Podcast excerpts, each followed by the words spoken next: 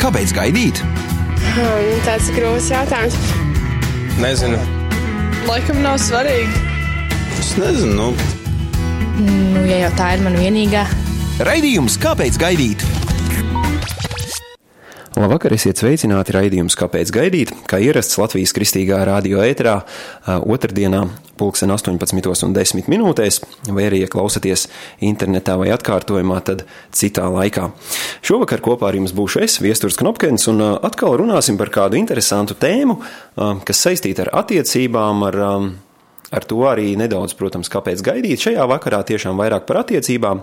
Ja kāds ieslēdzis pirmo reizi un klausās raidījumu, kāpēc gaidīt, tad teikšu, ka šis ir biedrības īsta mīlestība gaida veidots raidījums, kurā pamatā tad runājam par to, kādēļ gaidīt ar seksu līdz kāzām, bet pieskaramies un runājam arī par dažādiem citiem jautājumiem, kas saistīti ar attiecībām, ar, ar pāriem arī kādos brīžos ar personīgo izaugsmu, ja tā var teikt. Um, šajā vakarā runāsim par komunikāciju. Um, un kādēļ tieši par komunikāciju? Jo um, daudz pētījumu ir atklājuši to, ka lielākās problēmas pāriem, uh, gan precētiem, gan neprecētiem, rodas tieši tajā, um, ja viņi savā starpā nemāk komunicēt. Un, um, Nevarētu teikt, ka kāds no tiem, kāds no abiem cilvēkiem komunicē slikti. Protams, var gadīties, ka tā ir. Vienkārši ļoti bieži pāri komunicē dažādos veidos. It sevišķi sākumā viens ir pieradis daudz runāt, otrs ir pieradis, nu, varbūt abi ir pieraduši daudz runāt, un neviens īsti negrib klausīties, vai atkal tādā veidā komunicē, kā otrs cilvēks viņu pārprot. Un tādēļ ir svarīgi labi iemācīties vienam ar otru komunicēt. Kas tad vispār ir komunikācija? Mēs to varētu arī saukt par saziņu vai saskarsmi, un no latīņu valodas šis vārds komunikāre nozīmē dalīties. Tātad komunikācija varētu teikt, ka ir dalīšanās. Ja mēs salīdzinām to ar sociālajiem tīkliem, tad varētu teikt, ka tā ir tāda šērošana, vai ne? Nu, kad mēs dalāmies ar kaut ko, ar savām domām vai ar savām domām, savu viedokli, savu, savu pieredzi. Un um, tāda nu, nedaudz uh, zinātniskāka, ja tā var nosaukt Wikipēdijas definīcija, ir tāda, ka komunikācija ir vairāku cilvēku vai sociālu grupu savstarpēja miedarbība, informācijas, arī domu vai jūtu apmaiņa gan, uh, gan runas, gan žestu veidā. Un um, šeit jau mēs um, no definīcijas saprotam, ka komunikācija ir gan ar vārdiem, gan arī tā var būt bez vārdiem. Par šīm komunikācijas uh, veidiem mēs pieskarsimies nedaudz vēlāk, bet Um, sākumā Tātad um, es gribu, lai mēs visi saprotam, ka patiesībā mēs komunicējam gandrīz nepārtraukti. Nu, tad, kad mēs guļam, tad parasti mēs droši vien to nedarām, bet uh, varbūt arī kāds runā miegā, un tad uh, bieži vien gadās uh, nokomunicēt varbūt kādam uh, kādas uh, slēptākās uh, lietas. Uh, nu, tas gan tā nav lielākajai daļai cilvēku, vai ne, kā jūs saprotat, bet uh, tad mēs komunicējam gandrīz visu laiku. Uh, Un apmēram 70% no ikdienas aktivitā, aktivitātēm ir komunikācija. Un, kas ir interesanti, tad nedaudz vairāk ir runāšana un nedaudz mazāk klausīšanās. Nu, tad, tad gandrīz, gandrīz pusi uz pusi, bet nu, tomēr mēs nedaudz vairāk runājam nekā klausamies. Um, bet kas ir interesanti, tad kāds pētījums atklāja, ka vidēji tikai trīs minūtes dienā laulātais pāris savā starpā runā kaut ko nozīmīgu. Nu, tad, tad, nu, tāda saruna viņiem ir nevis garām ejot, tur, piemēram, nopērts pienu vai nu, kaut kas tāds, bet, teiksim, tiešām viņi apsēžās un, un aprunājas vidēji trīs minūtes dienā, kā tu jūties, kā tev šodien gāja. Un, tad, tad tas ir vidēji trīs minūtes. Ja kāds pāris, piemēram, šādi runā veselu pusstundu, tas nozīmē, ka pretī ir jābūt daudziem pāriem, kur runā minūti un mazāk. Um, Jā, tas ir ļoti interesanti, ka lielāko daļu no savu nomodu laika mēs komunicējam, bet savā starpā, starp pāriem tādu nozīmīgu sarunu mums ir tikai vidēji trīs minūtes. Um, vēl šis pats pētījums uh, atklāja kādas interesantas lietas, kad uh, apmēram um, tad, tur bija jāatzīmē vīriešiem un sievietēm, um, ko viņi, par ko viņi labprāt runātu un par ko viņi patiesībā runā. Tur bija vairāk variantu, un tad vīrieši visvairāk atzīmēja, ka viņi ikdienā visvairāk runā par ziņām, nu, par to, kas notiek apkārt. Tur, un, nu, par, par, par kādu politiku un kaut ko tādu, un 68% tad gandrīz tikpat daudz. Tur varēja atbildēt, atzīmēt vairākas atbildes, tā kā nebrīnieties, ka tur kopā nesanāk simts, runā par darbu. Savukārt sievietes 76% runā par ēdienu un 72% par veselību. Um, savukārt, um, ja viņiem tika jautāts, par ko jūs vislabāk gribētu runāt, tad 65% vīriešu gribētu runāt par sportu, un 52% sieviešu gribētu runāt par personīgajām problēmām. Nu, tad varētu teikt, gribē, gribētu izrunāties. Un šeit mēs redzam jau tādu pirmo vīriešu un sieviešu komunikācijas problēmu, ka ļoti bieži vīrieši un sievietes vēlas runāt par divām dažādām lietām. Nu, tad 65% vīriešu labprātāk gribētu runāt par sportu, bet 52% sieviešu labprātāk runātu par personīgajām problēmām. Un, um, es domāju, ka, ja mēs to apzināmies, Šeit gan jāpiebilst, ka tas nenozīmē, ka visi vīrieši vēlētos runāt par sportu, jo, piemēram, ne, nu, lai gan man patīk sports un es pats sportoju, tad, manuprāt, tā nav pirmā lieta, par ko es tiešām gribētu runāt, vai nekad ar kādu cilvēku, bet varbūt man tas jāpārdomā vēlreiz, un varbūt tomēr. Bet mums jāsaprot, ka bieži vien vīrs un sieva, ja puisis un meitene grib, grib runāt par kādām dažādām lietām, un viņiem abiem tas ir svarīgi. Un, ja mēs to zinām un saprotam, tad jau tā vairs nav īsti problēma. Jo mēs saprotam, ka kādā brīdī mums vajag uzklausīt, nu nevis domāt, ah, nu ko tu tur runā par sportu, vai ne, labāk parunāsim par personīgajām problēmām. Vai arī otrādi, kad tur, tur sievai saka, ah, nu ko tu tur par tām problēmām, labāk par sportu parunāsim. Ja mēs saprotam, ka katram no šiem cilvēkiem pārī ir svarīga kāda nedaudz cita tēma, un tā var būt cita tēma. Un viņam ir svarīgi, ka viņš tiek uzklausīts šajā tēmā. Uh, un, uh, ja mēs to zinām, tad ir svarīgi, ka mēs arī uh, to pieņemam un labprāt uzklausām sievu par, pro, par problēmām, un arī vīru par, par sportu vai par kādu citu viņu interesējošu tēmu. Um, nu jā, tas no šīs um, statistikas viedokļa. Vēl par problēmām runājot, ir tāds interesants teiciens. Īru izcelsmes dramaturgs Džordžs Bernards Šaus ir teicis, ka vienīgā lielākā komunikācijas problēma ir ilūzija, ka tā ir notikusi. Nedaudz pārfrāzējot, varētu teikt, ka lielākā komunikācijas problēma ir tāda, ka bieži vien mēs pieņemam, ka tas otrs cilvēks mūs pilnībā ir sapratis, un viņš rīkosies taisni tā, kā mēs esam pateikuši. Kreigs Grošels, uh, Life Church, um, Amerikas mācītājs, arī labs komunikators, kā to moderni sauc, saka, ka tas, ka jūs kaut ko pateicāt, nenozīmē, ka klausītāji to dzirdēja, tam noticēja vai to darīs. Tātad tas, ja es kaut ko šajā brīdī pasaku, nenozīmē, ka jūs, kā klausītāji, vai arī kāds cits cilvēks, ja mēs runājam par parastu sarunu, sadzirdējāt tiešām to, ko es gribēju pateikt, Um, otrs līmenis tam noticējāt, ja tomēr sadzirdējāt, ko es gribēju pateikt. Un tas nenozīmē, ka jūs klausīsiet maniem ieteikumiem, vai ne? Um, un ir labi to atcerēties, jebkurā, jebkurā uh, sarunā, uh, ka tas, kā mēs to domājam, varētu teikt, ir pirmais līmenis. Tas, kā mēs to pasakām, tas ir otrais, un tas, kā cilvēks, otrs cilvēks to ir sapratis un dzirdējis, ir trešais.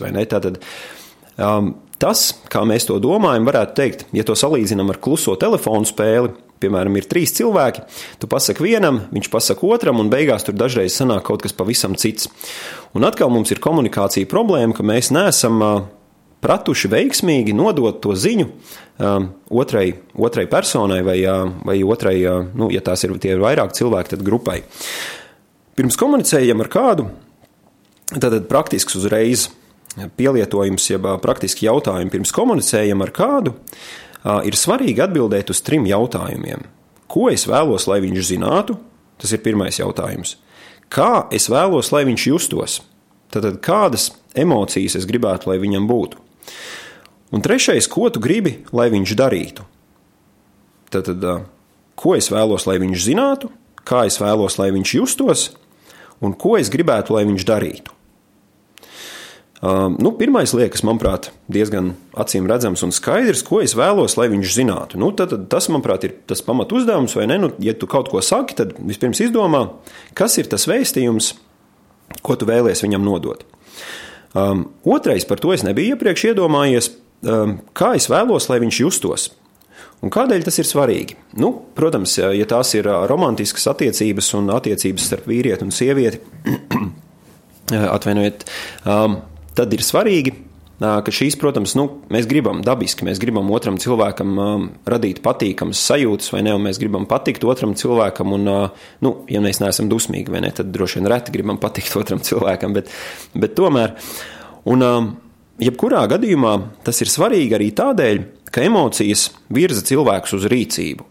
Lai gan mums varbūt negribas to atzīt, un mums gribas vienmēr teikt, ka nē, nu mēs jau pieņemam lēmum, lēmumus loģiski, un, un mēs uz emocijām tur nepavelkamies. Tas, ja tur ir piemēram mega izpārdošana veikalā un divi dzelteni baloni veikalam apkārt tur plivinās ar gaisā pastieptām rokām, un visi cilvēki nes lieliem maisiem ārā dažādas garšīgas lietas, tas mūs nemaz neietekmē.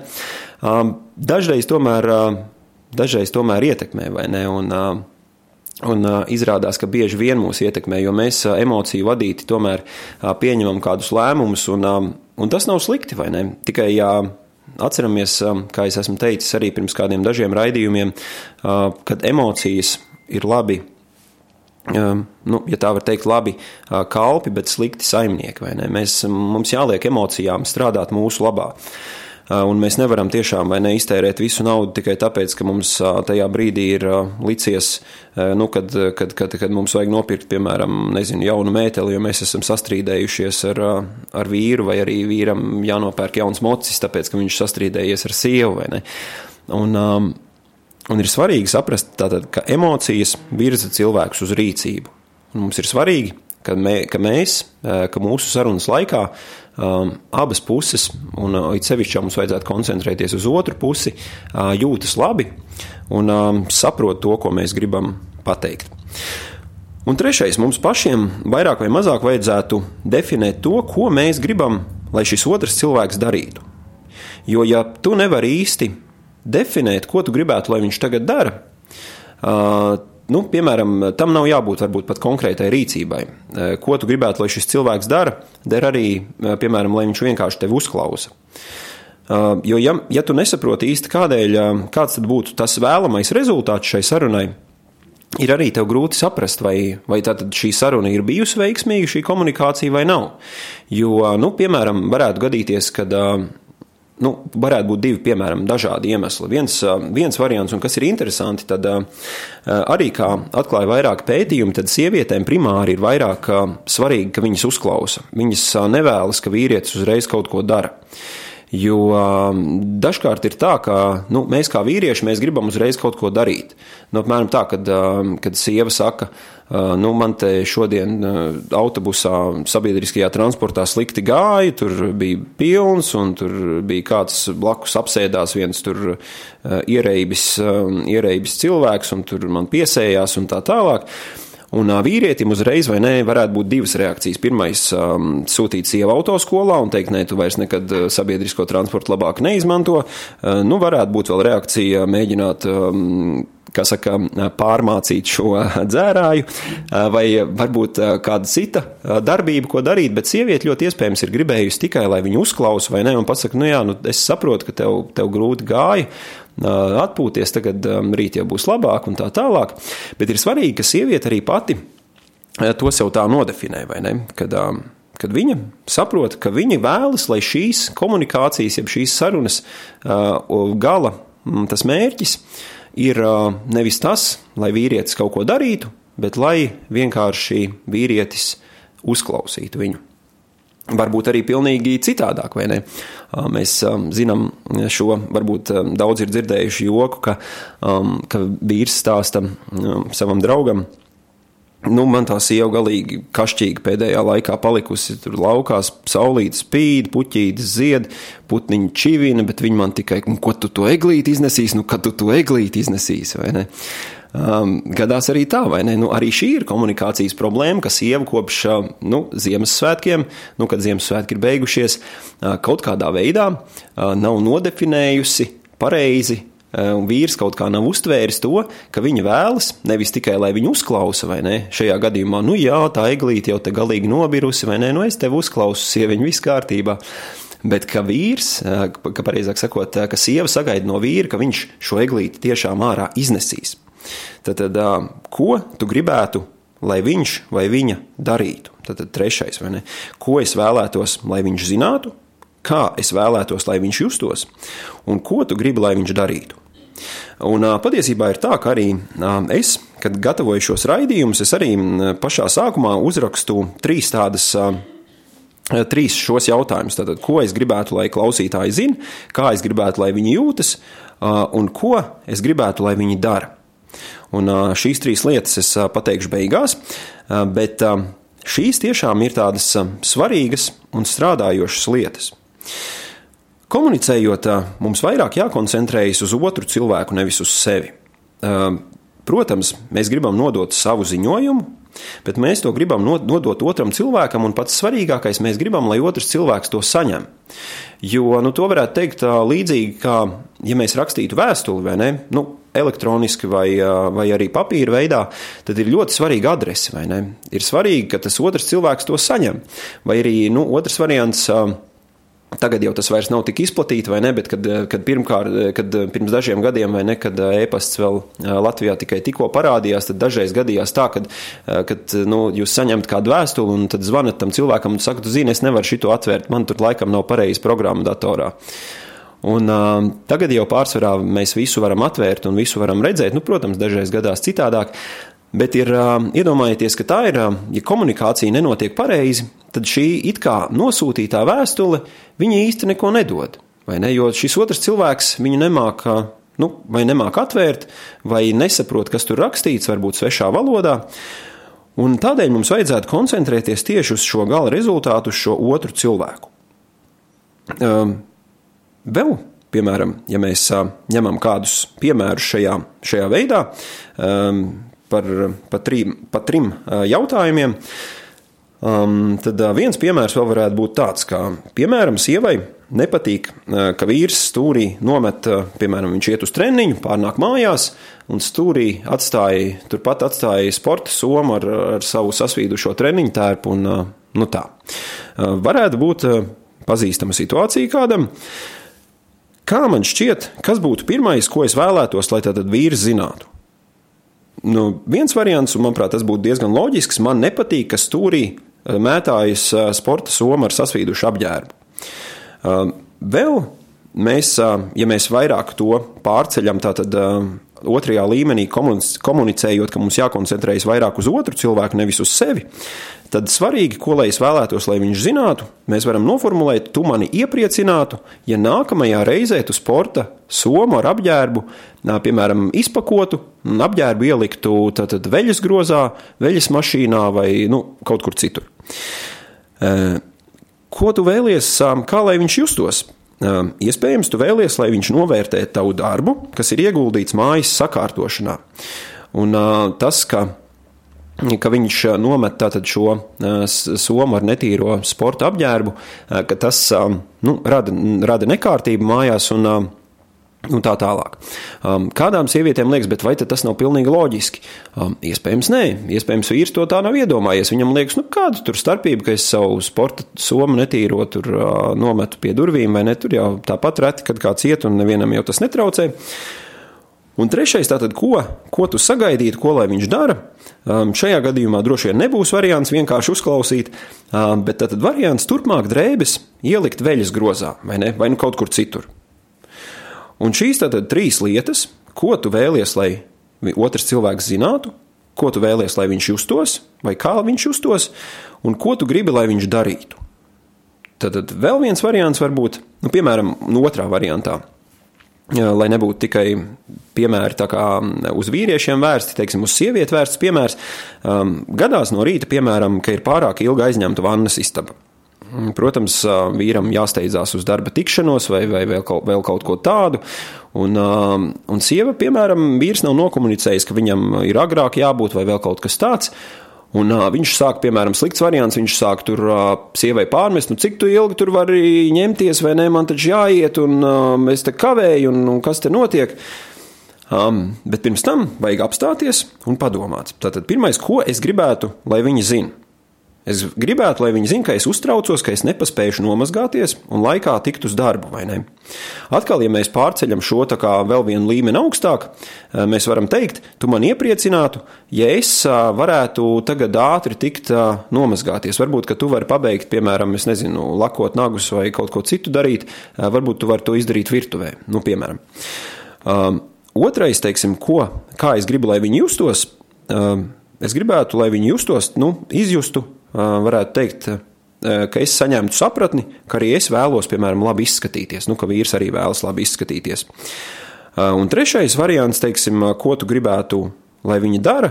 Nu, droši vien tas tāds pirmais variants varētu būt, ka tu gribētu, lai tevi laiž iekšā vannas istabā, bet otrais variants var būt, nu, kad kopīgi vienoties par to, kad, kad iepriekš jūs vakarā, iepriekšējā vakarā sarunājat, ja būs kaut kur jāskrien un jāsteidzas ātrāk, tad jūs vienojaties par to, kad, kad nu, nākamajā rītā, kā tad jūs šo vannas istabu izmantosiet. Nu, tie tādi divi pilnīgi sadzīviski piemēri, e, kurus mēs e, kādi, e, kādi droši vien pāri ikdienā tos ir piedzīvojuši, kādi nav. Bet šos piemērus mēs varam, protams, paši izdomāt un piemeklēt. Tātad, ko es vēlos, lai viņš zinātu, kā es vēlos, lai viņš justos, un ko tu gribētu, lai viņš vai viņa darītu. Vēl ir interesanti, ka komunicējot, mēs bieži vien valkājam, ja tā var teikt, dažādas lomas nu, angliski tās angliski mēdz teikt, kad, kad valkā dažādas cepures. Un um, ir vairākas cepures vai, vai lomas, ko mēs varam izmantot, kad mēs esam komunikatori, jeb kad mēs komunicējam ar otru cilvēku. Nu, piemēram, mums katram ir, ir vairākas lomas. Nu, piemēram, es esmu gan tētis, gan vīrs, gan vīrietis, arī raidījuma vadītājs, uzņēmējs, bērns arī tikpat labi saviem vecākiem, un mazdēls vai ne, un vēl kādas, vēl kādas lomas mēs varam, varam atrast. Un ir svarīgi katrai sarunai izvēlēties atbilstošo lomu. Nu, piemēram, gadās tā, diezgan klasisks piemērs, ka, piemēram, ja sieva ir skolotāja, kad viņa, piemēram, pārnāk mājās, un viņai ir grūti nolikt šo lomu skolotāju, un viņa šādā pašā stilā turpina arī arī, piemēram, eh, runāt eh, ar bērniem un ar, ar vīru. Vēl piemērs arī, nu, piemēram, ja vīrs ir, es nezinu, nu, piemēram, policists vai ne, tad viņš pārnāk mājās un turpina uzvesties kā policists, nevis viņš, varētu teikt, novelk šo apģērbu, savu lomu novelk un, un, un pārslēdzās uz lomu tēvs vai, vai vīrs vai, ne, vai, vai draugs un, vai kādu citu. Un ir svarīgi tātad saprast, kā mēs komunicējam ar otru cilvēku. Nu, komunicējot ar savu laulāto draugu vai ar savu otro pusīti, noteikti nu, vajadzētu izmantot lomu, primāri vajadzētu izmantot lomu, tātad vīrs vai sieva, vai arī notiecīgi tad, draugs vai draudzene. Ja var gadīties, ka ir kādi gadījumi, kad ir jāizvēlas nu, kāda cita loma, vai ne?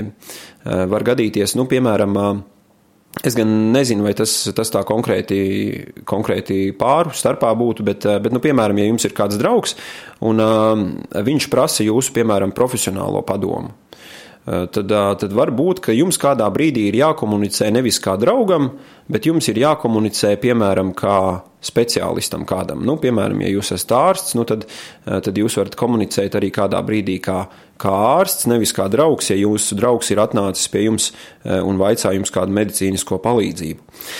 Un kas ir interesanti, tad tas, eh, kādu lomu mēs izmantojam, jeb, nu, kā varētu teikt, kā mēs kā, kādā režīmā mēs sevi pārslēdzam, tas bieži vien nosaka to, kādas emocijas izjutīs otrs cilvēks. Jo, ja mēs, piemēram, izmantojam, izmantojam savu lomu, piemēram, draugs vai vīrs, tad vajadzētu arī e, otram cilvēkam, vai ne, e, tad sievietei vajadzētu sajusties kā draudzenei vai kā sievai. E, ja mēs izmantojam, piemēram, citu lomu, vai ne, piemēram, tur policists, vai ne, tad, tad var gadīties, kad sieva jutīsies, piemēram, kā noziedznieks, vai ne, vai arī kā vienkārši, nu, nu piemēram, arī vai skolotājas gadījumā, tad kā vienkārši skolnieks, vai arī, piemēram, vēl tāds salīdzinoši tipisks gadījums, ka dažreiz gadās, kā, piemēram, sieva runā ar vīru, kā, kā teiksim, mā, ka viņa runā nevis sievas lomā, bet mātes lomā, vai, piemēram, vīrs ar sievu nevis vīra lomā, bet tēva lomā, vai, nu, kaut kā citādāk. Un tur atkal rodas kādas komunikācija problēmas. Jā, tad, tad svarīgi, kādu lomu vai cepuri mēs izvēlamies un uzvelkam tajā brīdī, kad mēs komunicējam ar cilvēku. Jo tas nosaka šo otro, otro posmu, tas palīdz kaut kā justies, justies cilvēkam. Tātad otrais punkts, kā es gribētu, lai viņš jūtas. Ja mēs runājam par saskarsmes, saskarsmes līdzekļiem kā tādiem, tad es domāju, ka ir labi pieminēt, ka pamatā ir tādas, kā varētu teikt, četras komunikācijas valodas, kas ir izskats, ķermeņa valoda, vārdi un emocijas.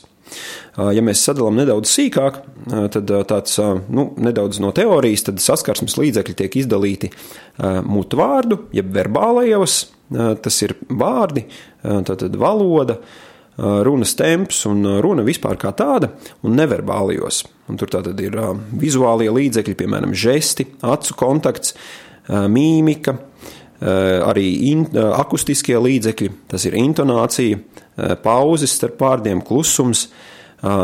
Kas man likās ļoti interesanti, par to es nebiju līdz šim domājis, pieskaršanās līdzekļi. Tātad, piemēram, rokas spiediens vai apkamšanās, tie arī ir savu veidu komunikācijas līdzekļi.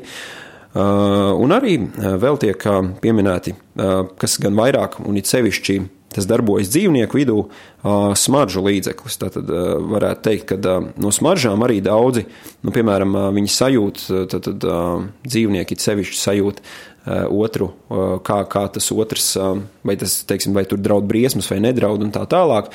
Nu, tādā cilvēku kontekstā pavisam vienkāršā mēs varētu, varētu pārvērst to, ka, ja tev patīk, kā tas cilvēks smaržo, tad arī tu pats labāk jūties un jums labāka komunikācija var izveidoties. Bet, jā, tad, ja mēs to savēlkam kopā, tad šajās četrās komunikāciju valodās - izskats, ķermeņa valoda, vārdi un emocijas, tad šeit ir svarīgi, šeit ir svarīgi tas, svarīgi to atcerēties, Pirmais, tātad, kā mēs izskatāmies. Un, jā, ja jūs esat ilgus gadus laulībā, tad varbūt šis nav pats svarīgākais līdzeklis. Lai gan tomēr, protams, ir svarīgi un ir patīkami, ja, ja, ja piemēram, vīrs ir noskuvies vai ne, vai arī, ja viņam ir bārda, tad viņš ir sakopis bārdu un saķemmējis matus un tā tālāk.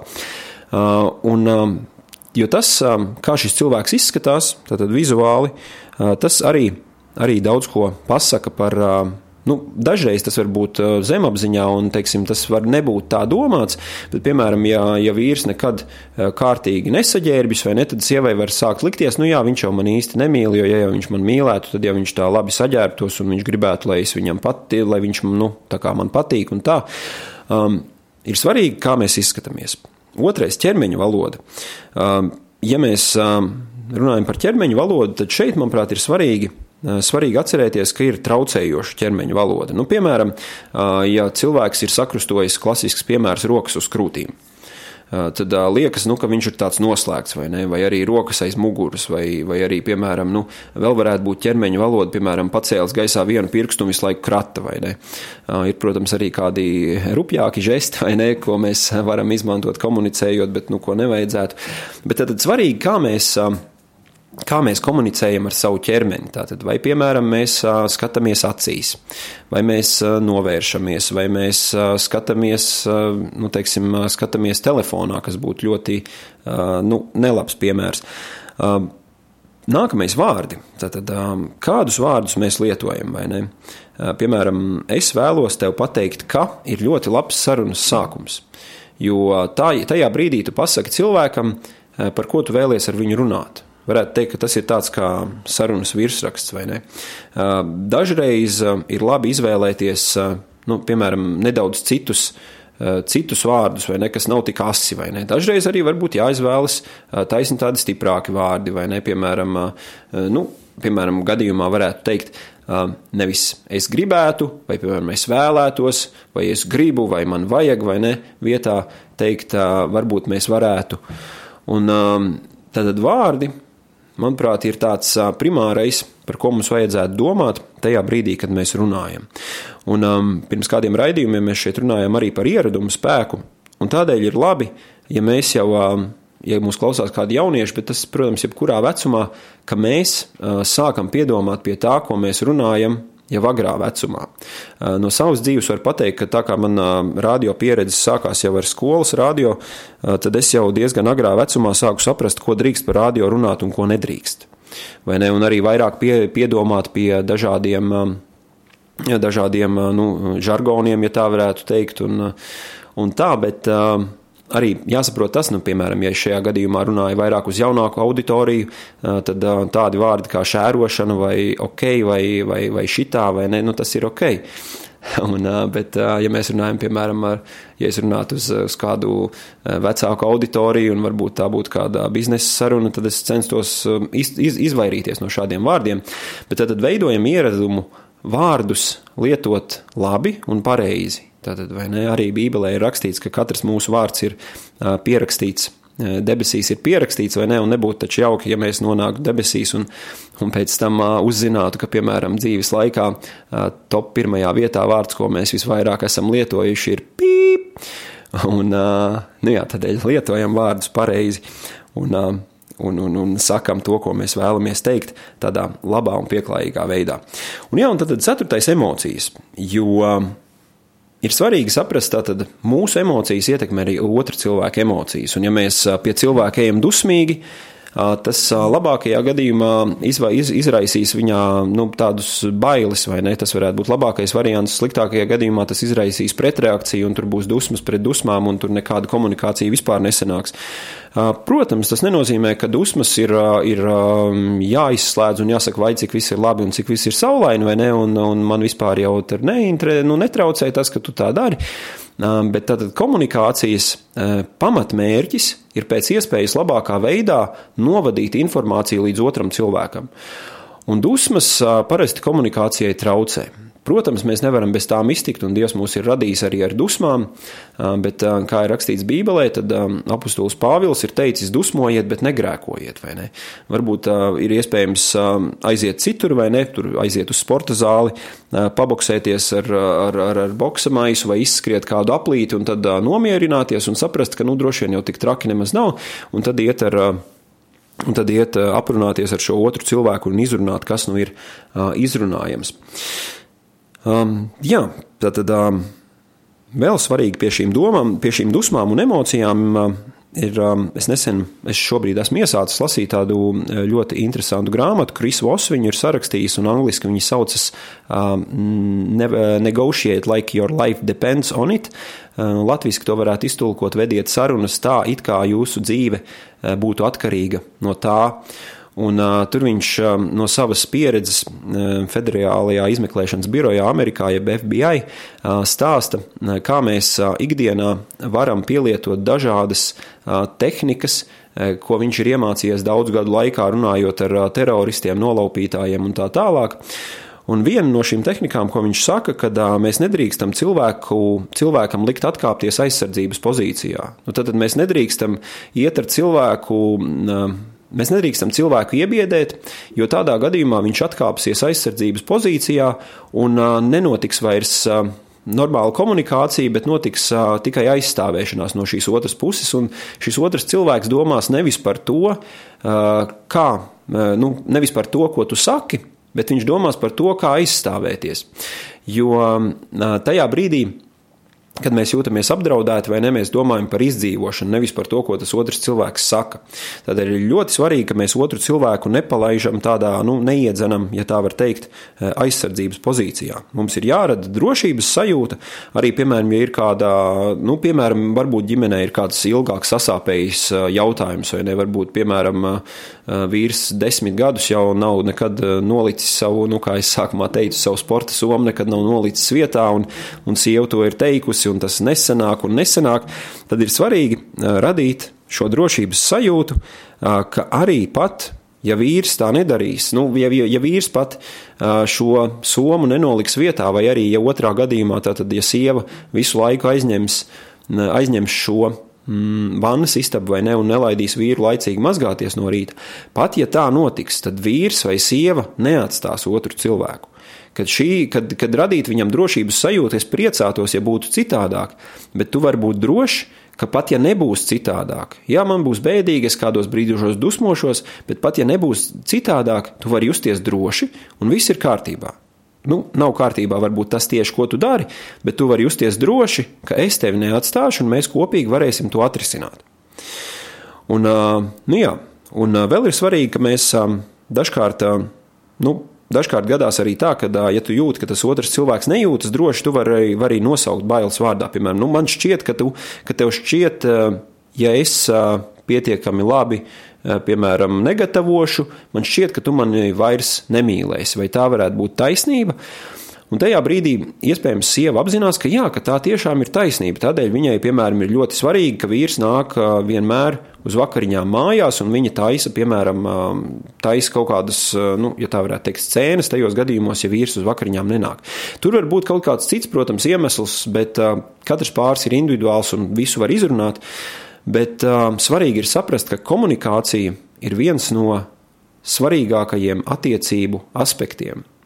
Jo, ja mēs slikti komunicējam un nemākam viens ar otru sarunāt, tad mēs, uh, tad mēs arī šīs attiecības nevarēsim veiksmīgi tālāk attīstīt.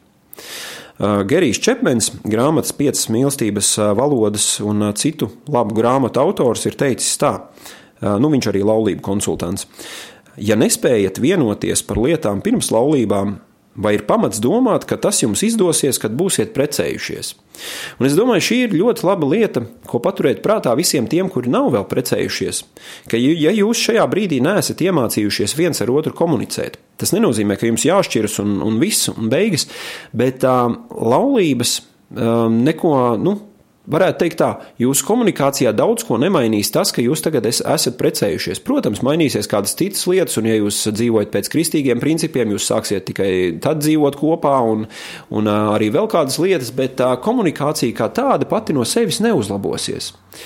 Mums jāsaprot tas, ka, ka šī komunikācija ir jākopī, mums vienam ar otru ir jārunā, Un, un tikai tad mēs varēsim veidot veiksmīgas attiecības un varēsim viens ar otru dzīvot, nu, kā varētu teikt, veiksmīgi, laimīgi līdz mūža galam. Man te ir arī tāds saraksts ar veiksmīgas komunikācijas nu, tādiem ieteikumiem. Ja kādu vīriešu lasa, tad, ja klausās, tad varat sameklēt internetā tādu uncommon, um, ir tādas vīriešu, nu, varētu teikt, uh, vīriešu raksti kristī, ar kristīgu ievirs, bet, um, ja kāds klausās, kas nav kristietis, var arī droši tāpat ieskatīties, tur nav, uh, net, netiek, uh, tā sakot, ar bībeli pa galvu sists. Un, um, tad šie ieteikumi ir tādi, kad jūs komunicējat ar savu sievu vai draugu, uh, tieciet vaļā no, visām, no visiem uh, Tātad šķēršļiem, jeb traucēkļiem. Nu, piemēram, nolieciet no telefonu, izslēdziet viņu ārā, neturiet rokās.